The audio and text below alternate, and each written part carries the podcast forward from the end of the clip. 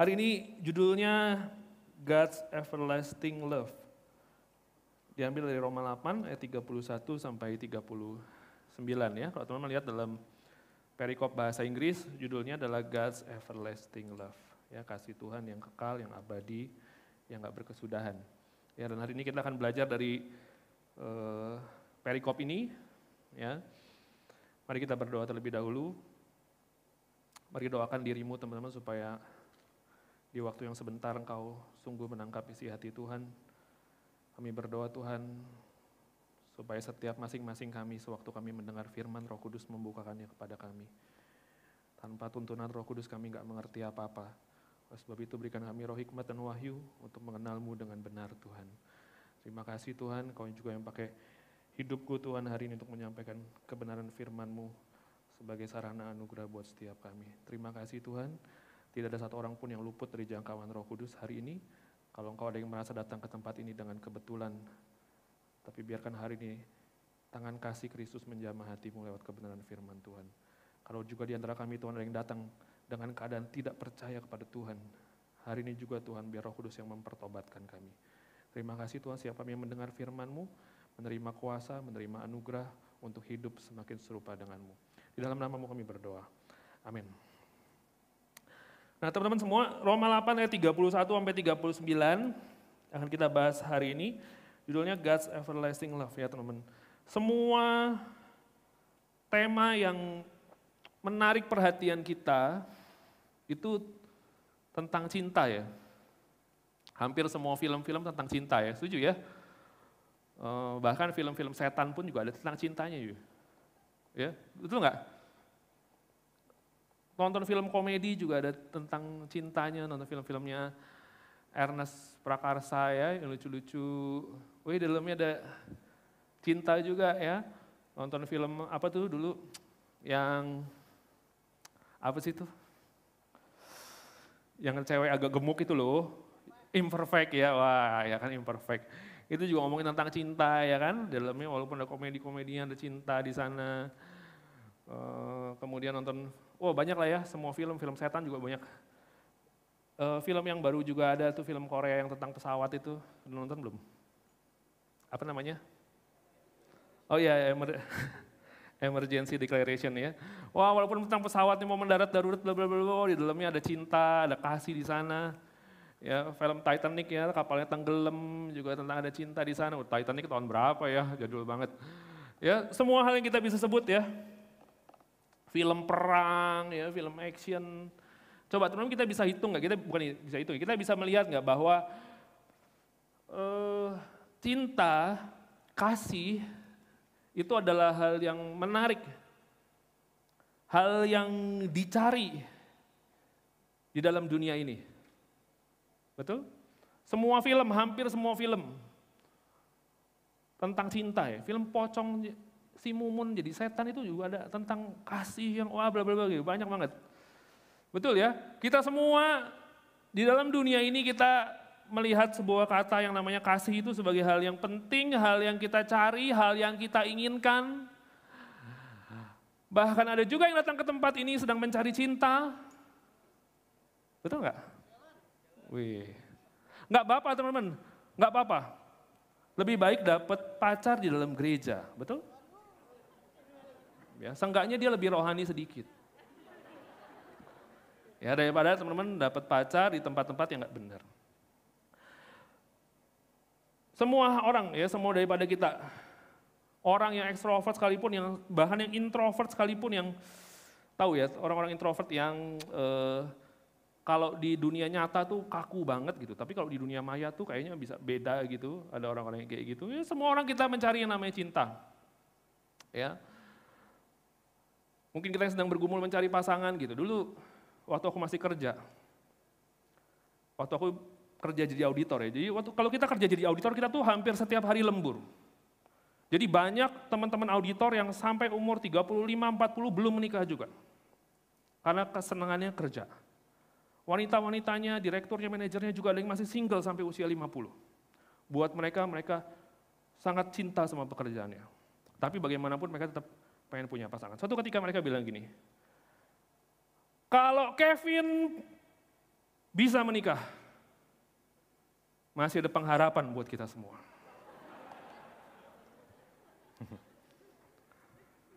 Masih ada pengharapan. Sampai desperate begitu. Ya kan? Lalu semua orang uh, melihat kasih sebagai hal yang mereka perlu dalam hidup. Tapi masalahnya adalah semua kasih yang kita terima di dalam dunia ini akan berakhir. Kita mencari tentang cinta, tentang kasih, tapi kabar buruknya, semua kisah cinta kita di dalam dunia ini dengan siapa pun orangnya, seromantis apa pun cowoknya, sekuat apa pun cintanya, semua kisah cinta akan berakhir di dunia ini. Betul? Makanya kalau janji nikah kan sampai maut memisahkan. Artinya apa? cinta sekalipun akan ada akhirnya. Tetapi kita bersyukur hari ini kita akan membahas, Paulus memberi judul God's Everlasting Love. Ada sebuah kasih yang gak ada habisnya. Pemimpinku suka bilang dulu, kasih manusia terbatas, tapi kasih Tuhan itu penuh. Aku ulangi saya lagi ya. Kasih manusia itu terbatas, tapi kasih Tuhan itu penuh. Dan itulah yang Paulus ingin sampaikan kepada setiap kita. Kita boleh mencari kasih di dalam dunia ini, tapi kita harus tahu bahwa kehidupan kita tidak berhenti sampai di dunia ini. Ketika kita mati, dan ketika kita memulai kehidupan kita yang baru, kita tetap memiliki kasih daripada Kristus. Oleh sebab itu, penting untuk kita semua mengenal kasih Kristus. Mari kita lihat di dalam Roma 1, eh sorry, Roma 8 ayat 31, di dalam slide yang kedua, Paulus berkata begini, sebab itu, apakah yang akan kita katakan tentang semuanya itu? Sebab itu, apakah yang akan kita katakan tentang semuanya itu? Nah, semuanya itu tuh apa? Ya, kalau di komentar ya para teolog bilang semuanya itu tuh apa semuanya itu ya Paulus ngomong semuanya itu semuanya itu adalah ngomongin tentang Roma 5 sampai Roma 8 ini sebetulnya. Atau bahkan yang bilang Roma, semuanya itu bicara dari Roma 1. Memang kita udah bahas ya. Roma 1 itu bicara tentang apa sih? Tentang kita semua berdosa, kita nggak ada yang benar hidupnya, kita semua di bawah murka Allah. Tidak ada seorang pun yang bisa diselamatkan dengan berbuat baik, itu Roma 1. Sampai 3. Roma 3 sampai 4, Allah itu membuat jalan keselamatan bagi kita yang nggak akan pernah bisa selamat karena perbuatan baik kita. Dan kita bisa selamatkan oleh iman percaya kita melalui Tuhan Yesus. Sorry, kita bisa selamatkan oleh percaya kita melalui iman. Kebalik. Itu Roma 3 sampai 4. Roma 5 kita bahas belajar bagaimana hidup dalam Kristus diwarnai dengan kasih karunia. Ada anugerah buat kehidupan kita. Ada damai sejahtera, ada pengharapan, ada kemenangan atas dosa. Pasal 6 sampai 7, dia ngomongin kita semua nggak di bawah kuasa dosa lagi, tapi kita semua ada di bawah anugerah Tuhan. Roma pasal yang ke-8, bagaimana kita bisa hidup terus di dalam anugerah Tuhan. Roma 8 bilang ada roh kudus yang menuntunmu. Dan itulah yang akhirnya Paulus ngomong. Sebab itu, apakah yang akan kita katakan tentang semuanya itu? Jadi Paulus mau ngomong gini, kesimpulannya apa sih dari kita bahas Roma 1? Kita yang berdosa, nggak bisa selamat, tapi Tuhan mengasihi kita, dia kasih kita iman untuk percaya kepada dia, Kemudian dia benarkan kita, dia kuduskan kita, dia berikan kita hidup yang kekal, dia berikan kita anugerah Tuhan, dia berikan kita rohnya untuk menuntun kita. Sepanjang itu kita bahas 8 pasal selama hampir daripada 4 bulan. Dan Paulus ngomong, apa arti semua itu?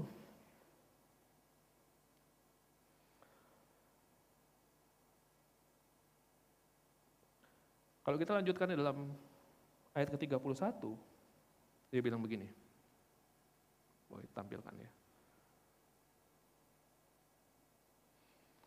Jika Allah di pihak kita, siapakah yang akan melawan kita? Di dalam terjemahan bahasa Inggris dia nggak ngomong di pihak kita, dia bilang if God be for us. Dalam bahasa Yunani juga begitu, bukan ngomong di pihak kita, tapi jika Tuhan untuk kita. Tahu maksudnya apa? Paulus bilang gini, Jadi dari pasal yang pertama itu, dari kita ngomong kita jatuh dalam dosa sampai kita dituntun oleh roh kudus hari ini. Apa artinya semua itu? Paulus berkata gini, artinya adalah Tuhan itu untukmu. Bukan hanya ngomongin berkat, tapi dia bilang Tuhan itu untukmu, diberikan untukmu. Teman-teman semua Tuhan bukan hanya memberikan kita berkat-berkatnya, tapi dia memberikan kepada kita dirinya sendiri untuk kita. Kalau teman-teman bisa sebutkan, apa pemberian terbesar yang pernah kau terima dalam hidupmu? Apa pemberian terbesar yang pernah kau terima dalam hidupmu? Seharusnya jawaban kita bukanlah berkat-berkat Tuhan.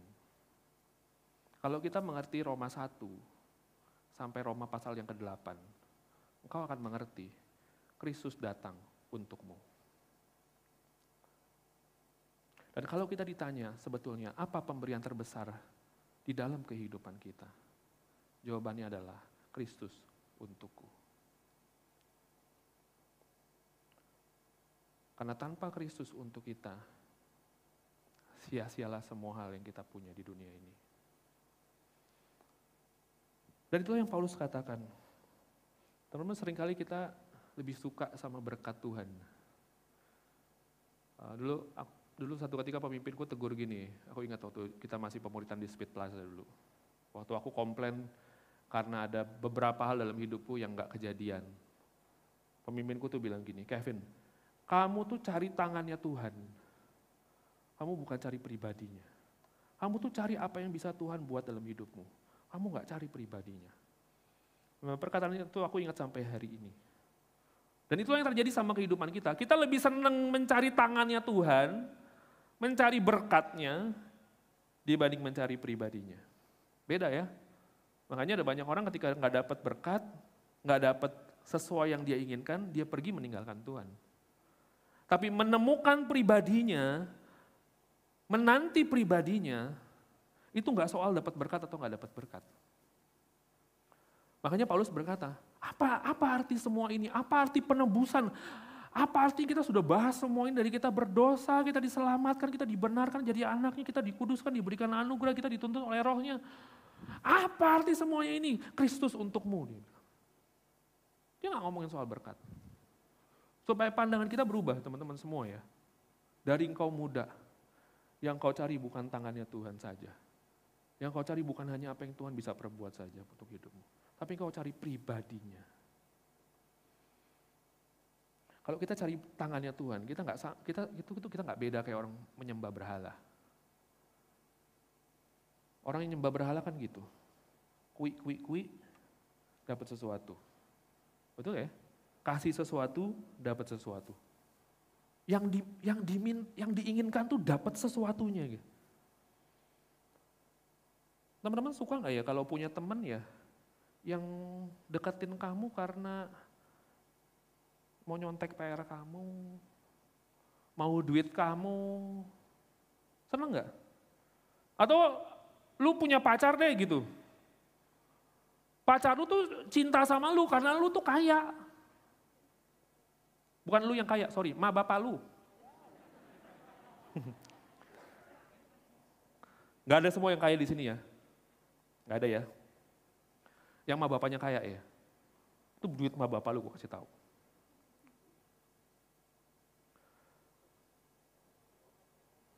Tuhan Tuhan juga rindu kita anak-anaknya. Lebih menginginkan dia. Pribadinya. Makanya Paulus berkata, Kristus untukmu. Roma 8 ayat 32. Eh sorry, jika Allah di pihak kita, siapakah yang akan melawan kita? Nah, sorry, aku aku uh, kasih tahu konteks ayat ini ya, supaya ayat ini nggak dipakai sembarangan ya. Tadi lagunya juga, jika Allah di pihak kita, siapa dapat melawan? Betul ya lagunya gitu ya. Aku kasih tahu ya konteksnya ya. Jadi jangan salah, salah pakai ayat ini ya. Ayat ini nggak ngomongin gini loh. Si Jason Wirawan sama Jason Christian lagi ribut ya. Terus Jason Christian bilang gini, lu kurang ajar ya Jason Wirawan ya. Tapi aku bersyukur aku punya Tuhan Allah di pihakku. Siapa yang dapat melawanku? Lalu kita lagi konflik gitu sama teman komsel tuh. Wih, ya kan? Terus kita bilang gini, tapi aku yakin sekali, Allah di pihakku. Masalahnya ya, ayat ini bukan buat lu doang. Betul nggak? Kalau Allah di pihak gua, terus temen lu bilang gini, ya ampun kasihan banget gua. Gua Allah di pihak gua apa kagak ya gitu. Eh, makanya ini dibenerin ya cara pikirnya ya. Jadi ayat ini nggak bisa dipakai begitu loh. Lagi ribut sama orang, lagi konflik sama mama. Gak apa-apa saya ribut sama mama. Allah di pihakku mah. Kasih amat malu ya, sampaikan ke neraka itu. Ayat ini ngomongin tentang keselamatan. Maksudnya apa? Dulu kita ini musuh Allah sebelum kita percaya kepada Tuhan. Setelah kita percaya kepada Kristus anugerah keselamatannya, kita diberdamaikan dengan Allah. Sehingga hari ini kita berdamai bersama dengan Tuhan. Dan kita satu bagian, satu pihak dengan Allah. Itu maksudnya. Jadi ayat yang tadi itu maksudnya tentang keselamatan. Jadi jangan dipakai yang aneh-aneh. Lagi berantem, oh, gua, gua gak takut sama lu ya, Tuhan di pihak gua. Bukan ya. Ini tentang keselamatan dan makanya ketika Paulus membahas ini dia bilang, apa yang apa yang apa yang lagi kita ngomongin semua ini? Dia bilang, Kristus untuk kita, dia di pihak kita, kita kita bersama dengan dia. Itu maksudnya. Nah, mari kita baca di ayat 32. Apa buktinya kalau Allah untuk kita? Ayat ke-32 berkata gini, ia yang tidak menyayangkan anaknya sendiri, tetapi yang menyerahkannya bagi kita semua. Bagaimana mungkin ia tidak mengaruniakan segala sesuatu kepada kita bersama dengan dia. Apa buktinya kalau Allah ini untuk kita? Paulus berkata gini, Allah itu tidak menyayangkan anaknya sendiri, tapi yang menyerahkannya bagi kita semua. Apa bukti Allah mengasihi kita? Apa bukti Allah itu di pihak kita? Dengan dia mengaruniakan Yesus mati bagi kita.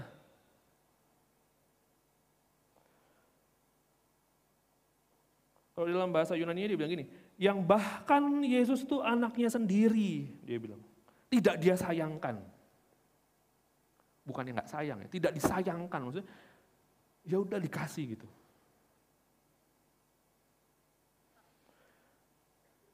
Dan itulah arti pemberian terbaik Allah bagi kita. Kalau Allah sudah memberikan yang terbaik bagi kita, yaitu Yesus anaknya. Paulus berkata gini, bagaimanakah mungkin ia tidak mengaruniakan segala sesuatu kepada kita bersama dengan dia. Kenapa Paulus bilang begini? Karena orang-orang orang-orang Yahudi itu punya punya power statement, punya punya apa ya? Punya punya pemikiran begini, kalau segala sesuatu kalau sesuatu itu benar untuk satu hal yang besar, maka hal-hal yang kecil-kecil-kecil itu juga pasti benar. Jadi orang Yahudi punya konsep gini, kalau ada sebuah keputusan diberikan untuk hal yang besar dan itu dinyatakan benar, hal-hal yang kecil di dalamnya itu juga diperhitungkan sebagai kebenaran. Nah makanya Paulus berkata, kalau anaknya aja diserahkan bagi kita, bagaimana mungkin ia tidak mengaruniakan segala sesuatu kepada kita bersama-sama dengan dia. Tapi aku mau jelaskan begini, jangan salah tangkap ya. Jangan salah tangkap, jangan berpikir gini, oh Yesus tuh di, Yesus tuh yang terbaik saja diberikan kepadaku. Paulus berkata, Bagaimana mungkin dia tidak mengaruniakan segala sesuatu kepada kita bersama-sama dengan dia. Kalau teman-teman nggak ngerti ayat ini, kau akan mulai punya daftar permintaan-permintaan yang lain. Karena ayatnya bilang, Yesus aja dikasih buat lu. Masa hal yang lain gak dikasih? Terus kita akan mulai mikir gini, oh Yesus aja dikasih ya. Berarti aku mau hmm, mau jodoh ya dikasih ya. Berarti aku mau masuk sekolah terbaik dikasih ya Berarti semua yang aku inginkan tuh dikasih ya. Sampai sini nangkep dulu nggak? Ini kita belajar ya, supaya jangan salah berdoa nanti. Nanti doanya Tuhan, kau telah memberikan anakmu Tuhan, masa sih Tuhan jodoh kau nggak kasih? Ternyata benar nggak dikasih. Terus kita mulai kecewa sama Tuhan. Atau waktu kita bilang, Tuhan anakmu tuh dikasih Tuhan buatku. Masa sih perkara kecil masuk ke Universitas Indonesia nggak dikasih? Lu mulai kecewa. Nah apa maksud segala sesuatu itu? Tolong dibuka kupingnya ya. Jangan ditutup untuk mendengar yang kita mau dengar. Mari kita lihat di dalam 2 Petrus 1 ayat 3 sampai 4. Apa segala sesuatu itu?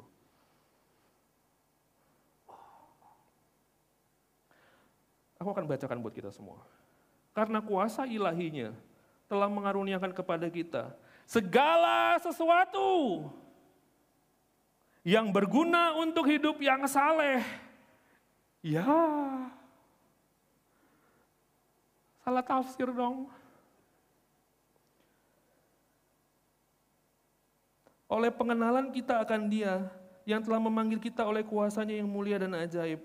Dengan jalan itu, ia telah mengaruniakan kepada kita janji-janji yang berharga dan yang sangat besar. Dia kasih janji sama kita yang berharga dan yang sangat besar. Bukan buat masuk PTN, bukan mau jawab doa-doa yang lu mau itu bukan. Supaya apa? Supaya olehnya kamu boleh mengambil bagian dalam kodrat ilahi dan luput dari hawa nafsu duniawi yang membinasakan dunia. Apa artinya segala sesuatu? Kristus telah mati diserahkan bagimu, dia akan mengaruniakan segala sesuatu bagimu. Segala sesuatunya itu apa? Setiap hal yang kau butuhkan untuk hidup yang saleh bagi Tuhan. Ya ampun, salah tafsir. Saya selama ini salah doa dong Tuhan.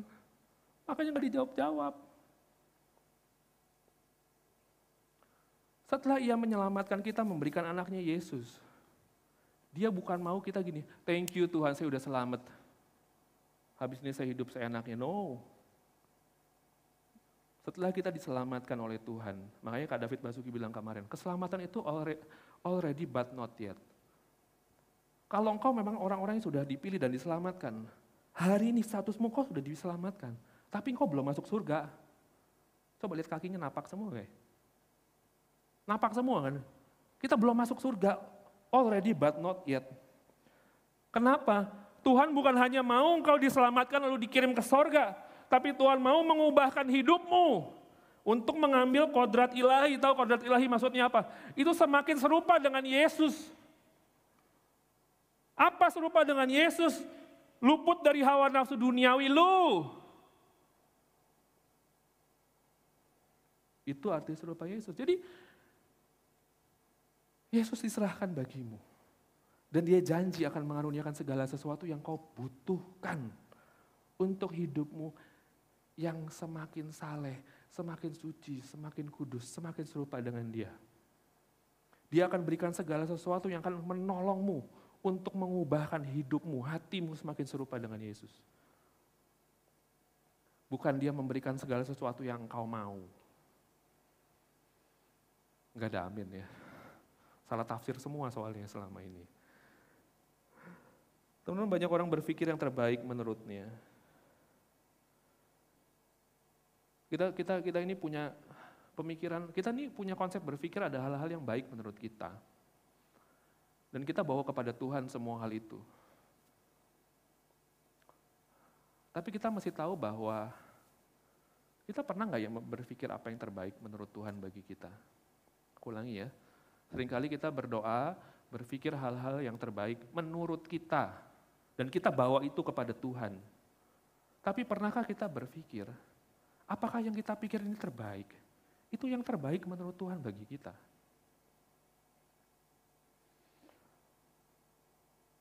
Yang terbaik menurut Tuhan bagi kita bukanlah menjawab semua doa-doamu.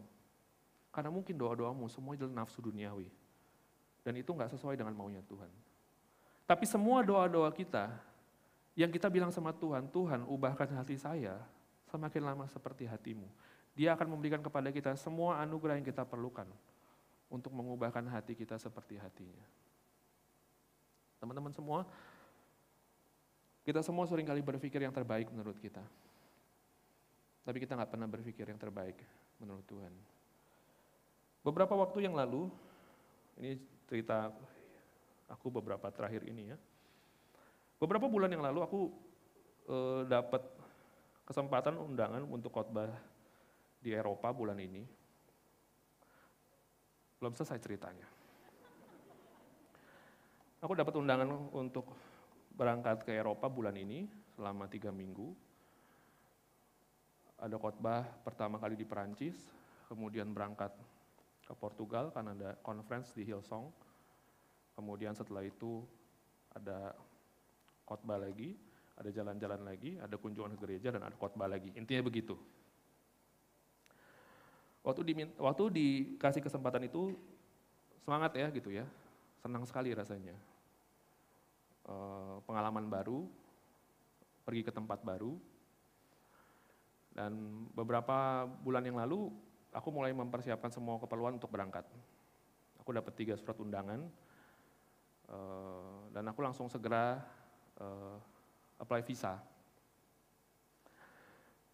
Tentu senang ya dapat kesempatan baru uh, diminta penatua untuk pergi, uh, pengalaman baru lah ya. Waktu urus visa, hmm, cukup berjalan dengan baik, namun ya ya ada kendala-kendala lah ya. Kalau interview dia tanya kamu ngapain ke sana? Ya saya pendeta gini gini gini gini gini gini. Oh ya ya. Oke oke oke oke oke oke. Kemudian uh, segera beli tiket, tiket sangat mahal ke Eropa, segera beli tiket, udah punya tiket, dua minggu, 20 hari setelah pengajuan visa, visaku keluar. Waktu visaku keluar, aku lagi ada di Abalov Barat sama pembinaku dan beberapa teman-teman di Abalov Barat. Uh, kita udah punya tiket, kita udah beli tiket lagi itu. Kemudian pas aku buka, isinya rejection. Aku ditolak untuk pergi. Alasannya adalah gereja yang aku mau kunjungi tidak terpercaya. Ya dalam hati gue, masa gue bohongin, masa gue mau bohong sama negara orang gereja ya gitu, dosa amat gitu kan. Tapi waktu aku ditolak itu, pemimpin-pemimpin ya penatua cukup kaget karena hampir jarang lah ya kita pelayanan apa segala macam ke luar negeri kita ditolak gitu. Tapi buat aku saat itu, aku tuh tipe, aku tuh bukan tipe orang yang maksa gitu, bukan. Jadi aku kayak ya sudahlah gitu. Nah pembina aku langsung bilang lagi itu, enggak, harus harus berangkat, harus berangkat, gini, gini, gini, oh dia sibuk sendiri. Gue sih santai aja gitu, oh dia sibuk, gimana caranya kita harus gini, gini, kita harus gini, gimana. Pokoknya harus berangkat, bla, bla, bla, bla. Singkat cerita, aku telepon salah satu penatua, iya tetap harus berangkat, coba gini, gini, gini. Oh ternyata orang lain lebih pengen gue berangkat daripada gue gitu sebenarnya. Ya sudahlah gitu, akhirnya aku segera apply visa dari negara yang lain, karena aku ke beberapa negara. Waktu aku mau apply visa di negara yang berikutnya, aku nggak bisa daftar di portalnya, karena aku dapat antrian masih bulan depan lagi. Jadi, padahal aku akan berangkat dua minggu lagi dari saat itu. Dan aku dapat dapat antrian bulan depannya lagi. Dan buat aku gini, udahlah gitu. Udahlah nggak pergi nggak apa-apa. Dulu, tiga tahun yang lalu, aku juga pernah ditolak visa waktu mau ke Amerika Tengah waktu ada conference di Amerika Tengah. Conference Youth Pastor lagi itu. Dan buat aku, ya udah gitu, nggak apa-apa kok. Akhirnya apply visa lagi, terus karena ini sudah penuh, jadi aku email ke kedutaan negara itu. Pip, gitu ya, nggak usah disebutkan, nanti gue ditangkap lagi sama ini. Aku email, aku bilang gini, saya ada conference di akhir bulan September. Bisa nggak ya saya uh, dapat favor gitu untuk diproses visanya. Terus dia bilang, dia balas email aku, dia bilang gini, boleh lihat surat undangannya? Aku kasih surat undangan dari Hillsong. Hillsong Church, gue kasih. Sampai dalam nama Yesus gitu loh. Siapa yang nggak tahu Hillsong? Kemudian saat itu dia langsung balas email aku, dia bilang gini, besok datang jam 9 pagi untuk interview. Padahal surat kalau kamu lihat di kalau aku lihat di portal itu masih bulan depan aku apply. Dia suruh aku datang besok pagi. Teman-teman mikirnya apa ya? Ada secercah, ada secercah harapan. Malam itu aku langsung wah siapin dokumen apa segala macam bla bla bla dua jam tiga jam fotokopi lah paspor apa segala macam.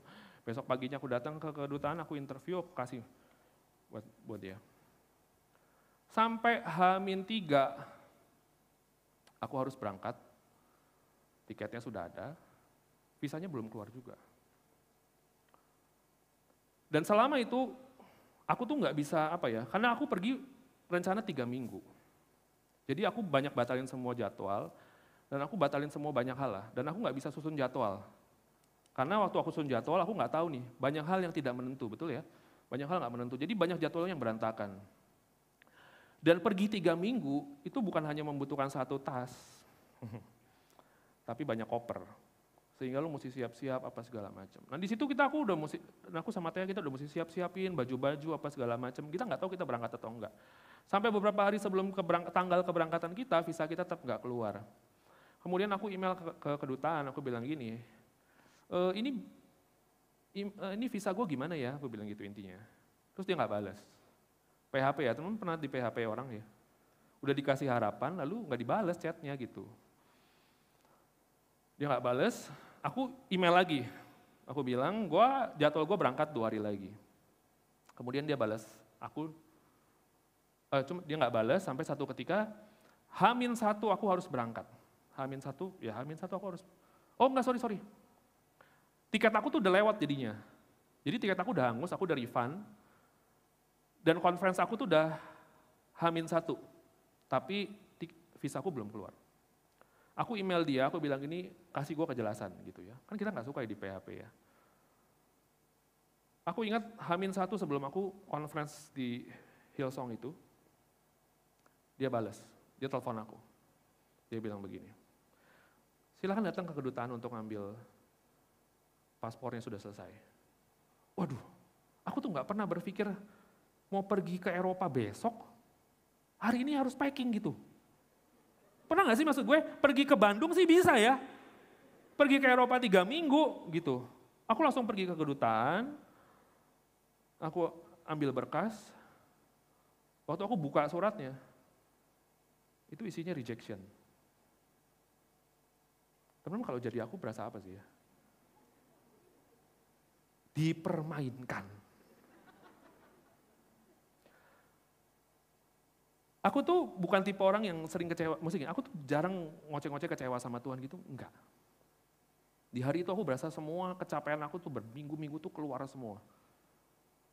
Tapi aku berpikir di hati ya, Tuhan sepertinya seakan-akan mempermainkan ya. Teman dalam kehidupanmu pernah merasa seperti itu? Oke lah kalau doa nggak dijawab, clear doa nggak dijawab. Tapi kayak dikasih harapan, harapan, harapan, harapan, harapan. Eh tau enggak gitu. Kayak deketin cowok, kayaknya buka hati, buka hati, buka hati, buka hati. Udah deket atau kayaknya enggak gitu. Kan agak brengsek ya. Hmm, canda ya. Namanya juga orang bisa berubah. Tapi Aku bilang sama Tuhan, aku gak kecewa sama Tuhan. Dulu tiga tahun lalu aku ke Amerika Tengah, begitu juga kejadiannya. Tapi di situ aku berpikir, Tuhan, saya tahu kasih Tuhan gak pernah berubah dalam hidup saya. Dan saya belajar, aku suka khotbahkan gini. Uh, seorang seorang teolog pernah bilang begini, waktu segala sesuatu yang kita inginkan tidak terjadi dalam kehidupan kita, kita bisa percaya kepada hatinya Tuhan hatinya baik untuk kita. Tapi di waktu yang seperti itu, aku berpikir, kok ini kayak dipermainkan ya? Dan aku mencoba menguatkan hatiku, kasih Tuhan gak pernah berubah dalam hidupku. Tapi aku dapati, lewat setiap kejadian, kasihku bisa berubah kepada Tuhan. Teman-teman semua, ternyata aku dapetin sampai hari ini. Tuhan gak mau aku pergi memang. Tuhan aku melayani, Tuhan mau aku melayani di sini tetap. That's why kenapa hari ini gue berkhotbah. Karena kalau gue pergi, gue akan pulangnya hari Rabu besok. Dan sampai ketemu di Champion Gathering. Tapi aku tahu, dan aku belajar mengerti isi hati Tuhan.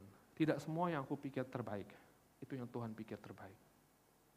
Dan tidak semua hal yang aku pikir terbaik, aku paksakan sama Tuhan untuk melakukan apa yang aku mau. Tetapi ternyata Tuhan mau aku, tapi Tuhan lebih dari, Tuhan itu lebih lebih mau dia bentuk hatiku dibanding aku pergi. Sebenarnya mungkin dalam banyak hal ya, Tuhan lebih tertarik kepada membentuk hatimu, mengubahkan hatimu dibanding memberikan apa yang kau mau. Iya, karena aku udah bayangin, kalau aku pergi ke negara itu, aku akan foto di Menara Eiffel, di pegunungan Swiss, dan aku akan upload di Instagram dalam beberapa hari ini. Tapi ternyata saya tetap berakhir di sini. hal yang serupa nggak sih? Hah?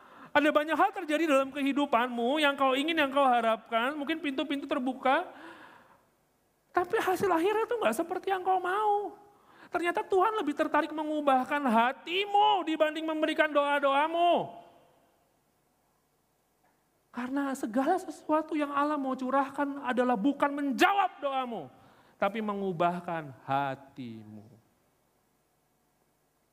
Dan itulah yang Paulus maksudkan dari ayat yang tadi. Mari kita lanjutkan dulu tinggal 4 menit. Kenapa waktu berjalan begitu cepat ya? Hah? Karena saya di sini ya. Kalau cuma gitu, coba duduk di sini gitu kan. Gue lama banget khotbah. Sahabat baru, sabar. Memang di sini begini.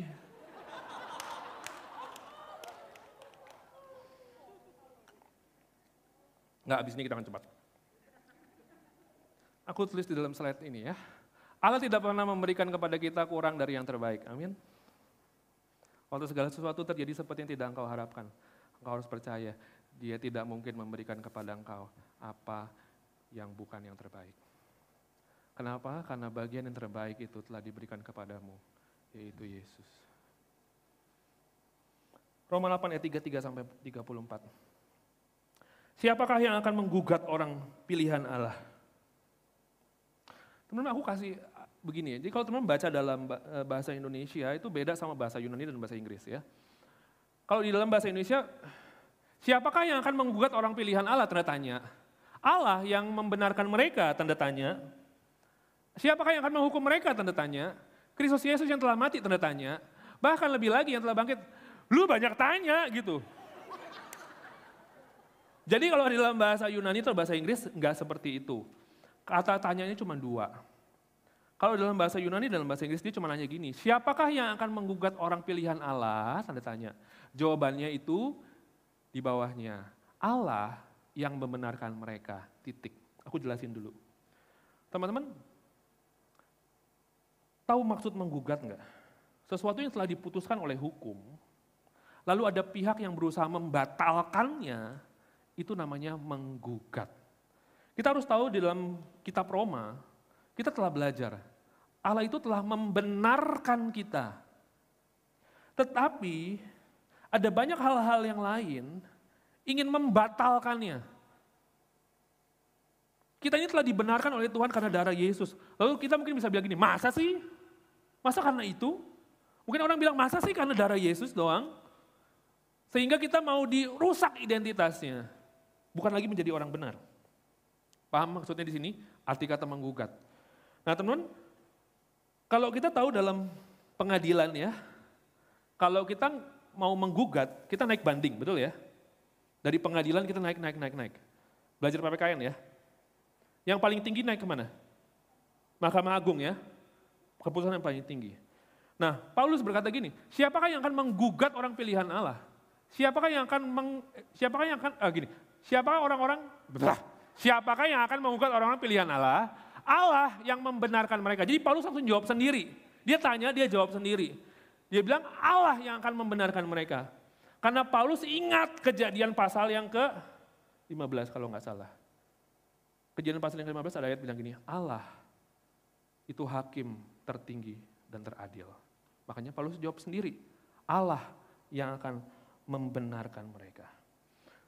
Kalau Allah kalau ada orang, ada pihak yang berusaha menggugat identitas kita yang telah benar. Kita harus tahu, kalau identitas, kalau pembenaran kita rusak, status kita sebagai anak Allah juga rusak.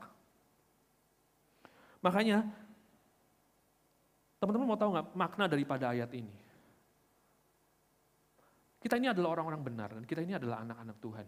Dan Tuhan mau bilang begini, tidak ada satu hal pun yang dapat mengubah identitas anak Allah daripada hidup kita. Lu mau banding sebanding apa pun, Paulus berkata, Allah itu hakim semesta alam ini. Dia berkata, dia memberikan keputusan, gak bisa digugat. Ketika kita percaya kepada Tuhan, kita menjadi anak-anaknya. Dan identitas itu tidak bisa berubah dalam kehidupan kita. Kalau identitas kita sebagai anak Allah tidak bisa berubah, artinya apa? Kasihnya dalam hidup kita tidak akan pernah bisa berubah. Itu makna ayat ini.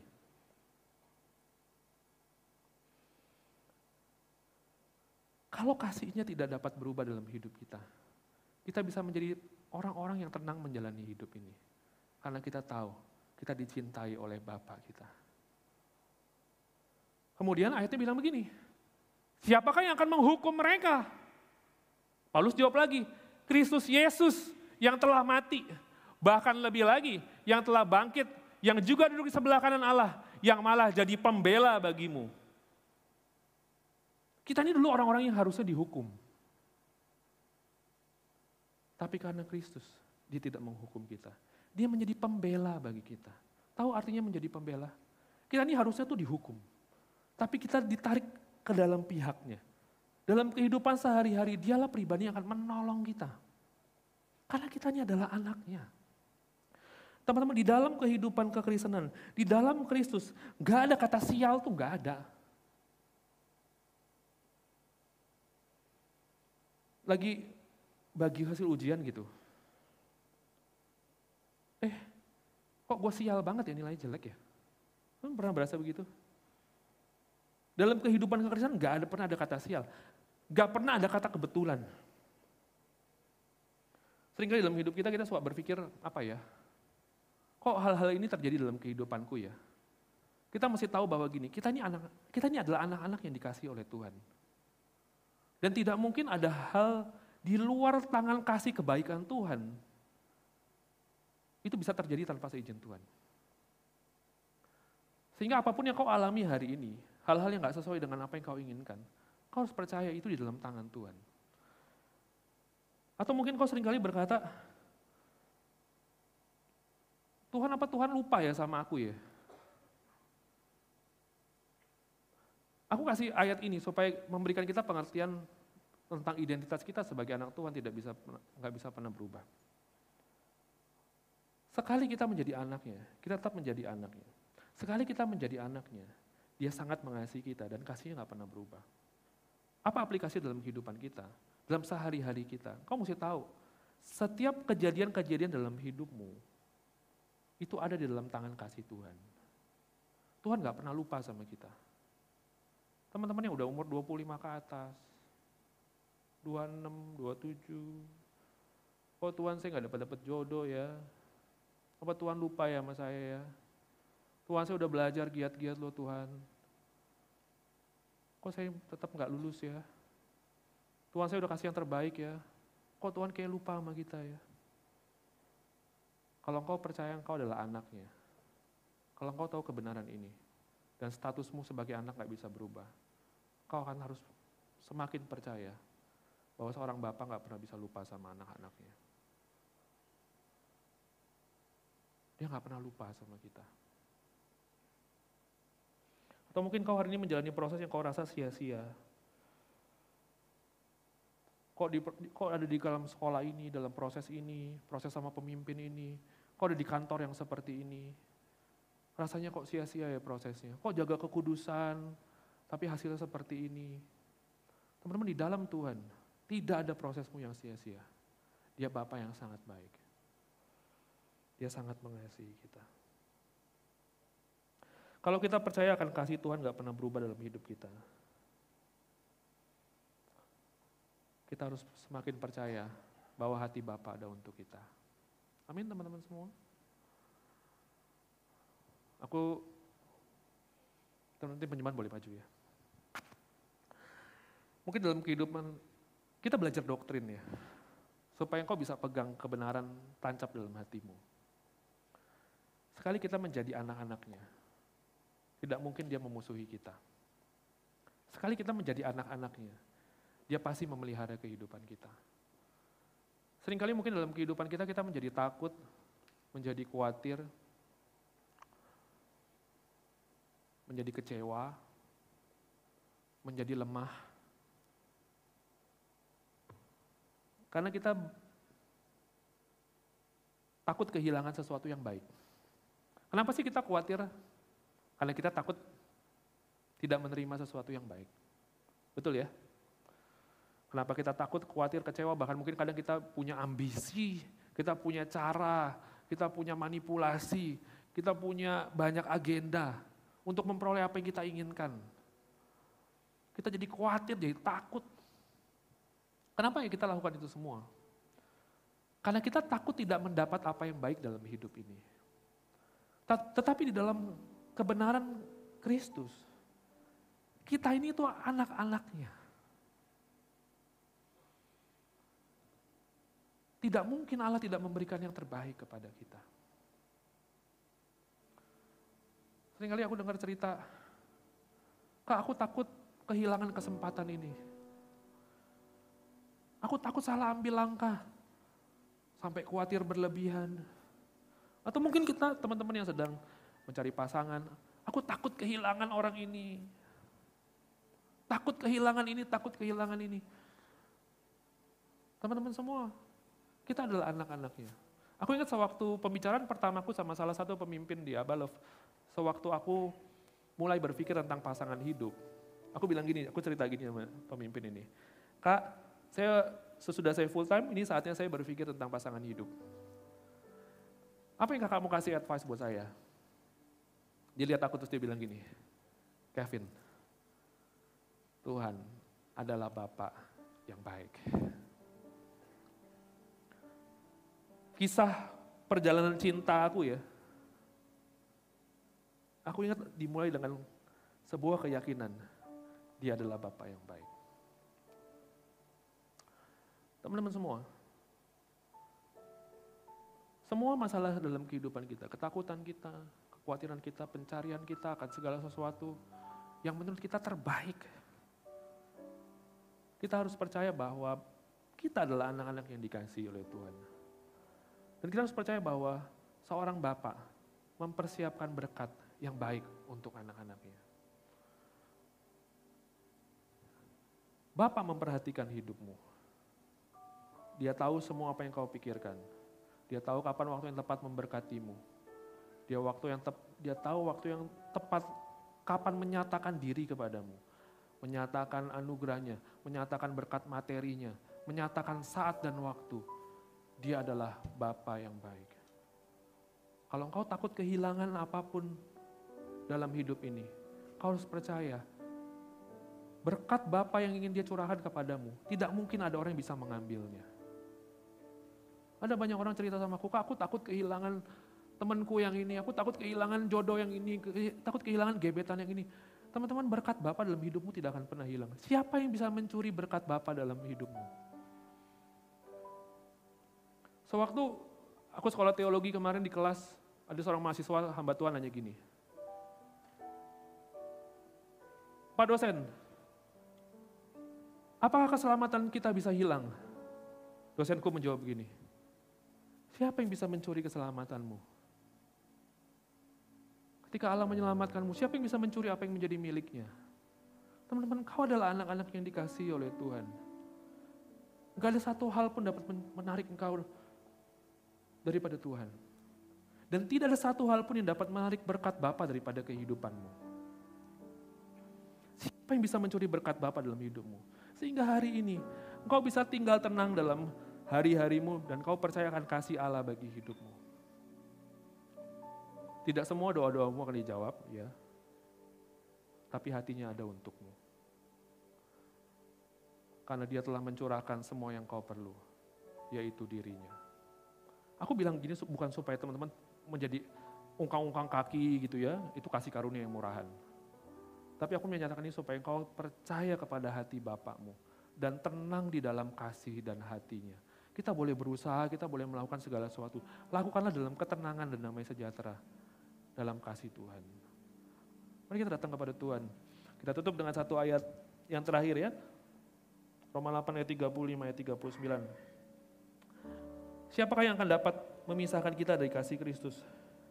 Penindasan, atau kesesakan, atau penganiayaan, atau kelaparan, atau ketelanjangan, atau bahaya, atau pedang, seperti ada tertulis. Oleh karena engkau kami ada dalam bahaya maut sepanjang hari. Kami dianggap sebagai domba-domba sembelihan.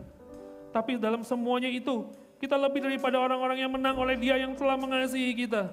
Sebab aku yakin bahwa baik maut maupun hidup, baik malaikat maupun pemerintah, baik yang ada sekarang maupun yang akan datang, atau kuasa-kuasa, baik yang di atas maupun yang di bawah, ataupun sesuatu makhluk lain, tidak akan dapat memisahkan kita dari kasih Allah yang ada dalam Kristus Yesus Tuhan kita.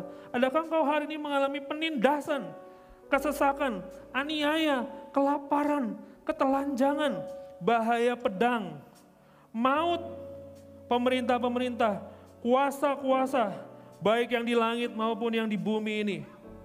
Adakah sesuatu yang sedang mengancam kau sebegitu hebatnya seperti yang tertulis dalam ayat ini? Tidak ada. Karena ayat ini tidaklah terjadi kepada kita, tapi telah terjadi kepada Yesusmu. Supaya kau dapat percaya, Yesusmu telah mengalami semua hal ini. Dia telanjang. Dia ada dalam bahaya pedang. Dia dianiaya, dia sesak. Dia dalam kuasa maut, dalam pemerintah-pemerintah. Dia seperti domba sembelihan mau dipotong. Dia rendah, hancur, mati berkeping-keping. Itu semua supaya membuat kita tahu hari ini.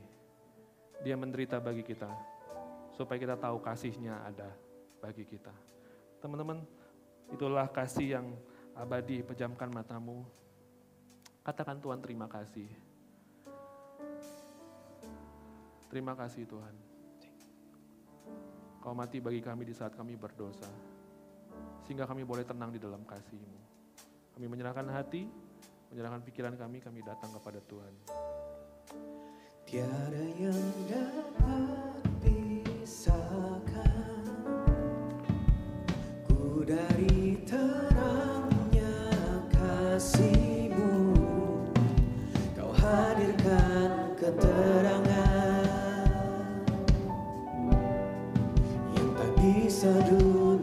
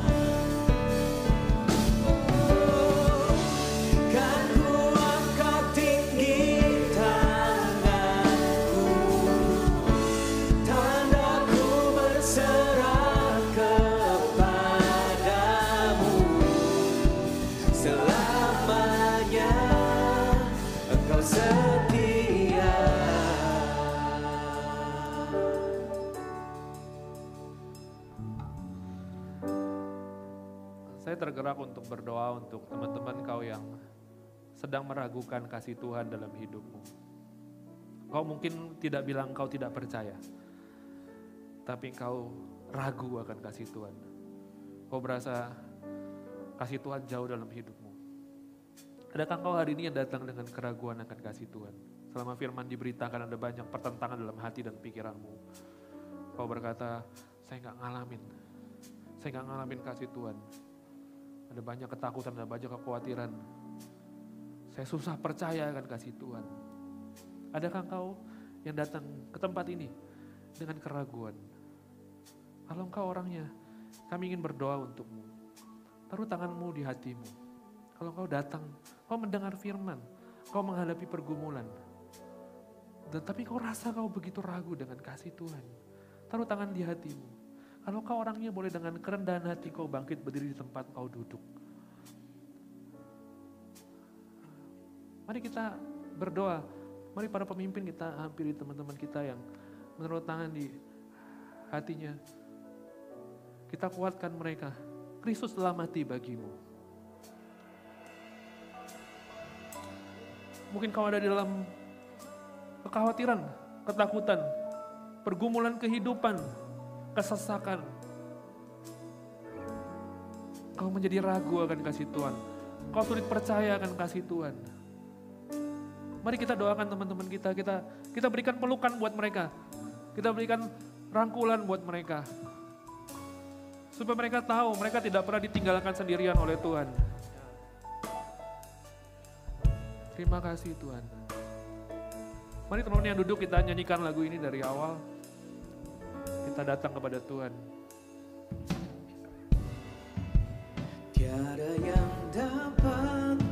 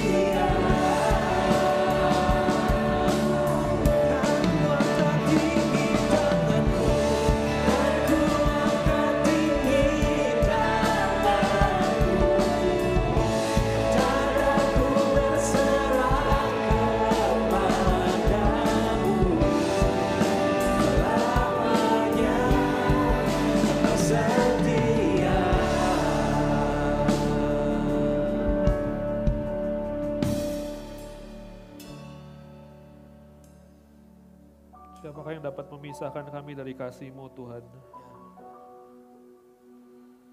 Bahkan kematian sekalipun tidak bisa memisahkan kami daripada kasih-Mu.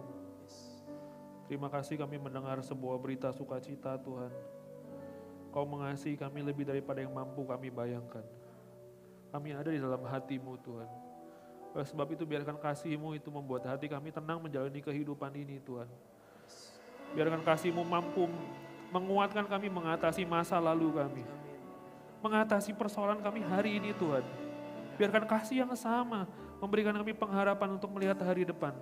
Bahwa dalam setiap musim hidup kami, sepanjang masa kami ada, kasih-Mu ada bagi kami. Terima kasih Tuhan, kasih-Mu tidak pernah berubah dalam hidup kami. Ampuni kami kalau kasih kami sering berubah kepadamu Tuhan. Ampuni kami Tuhan.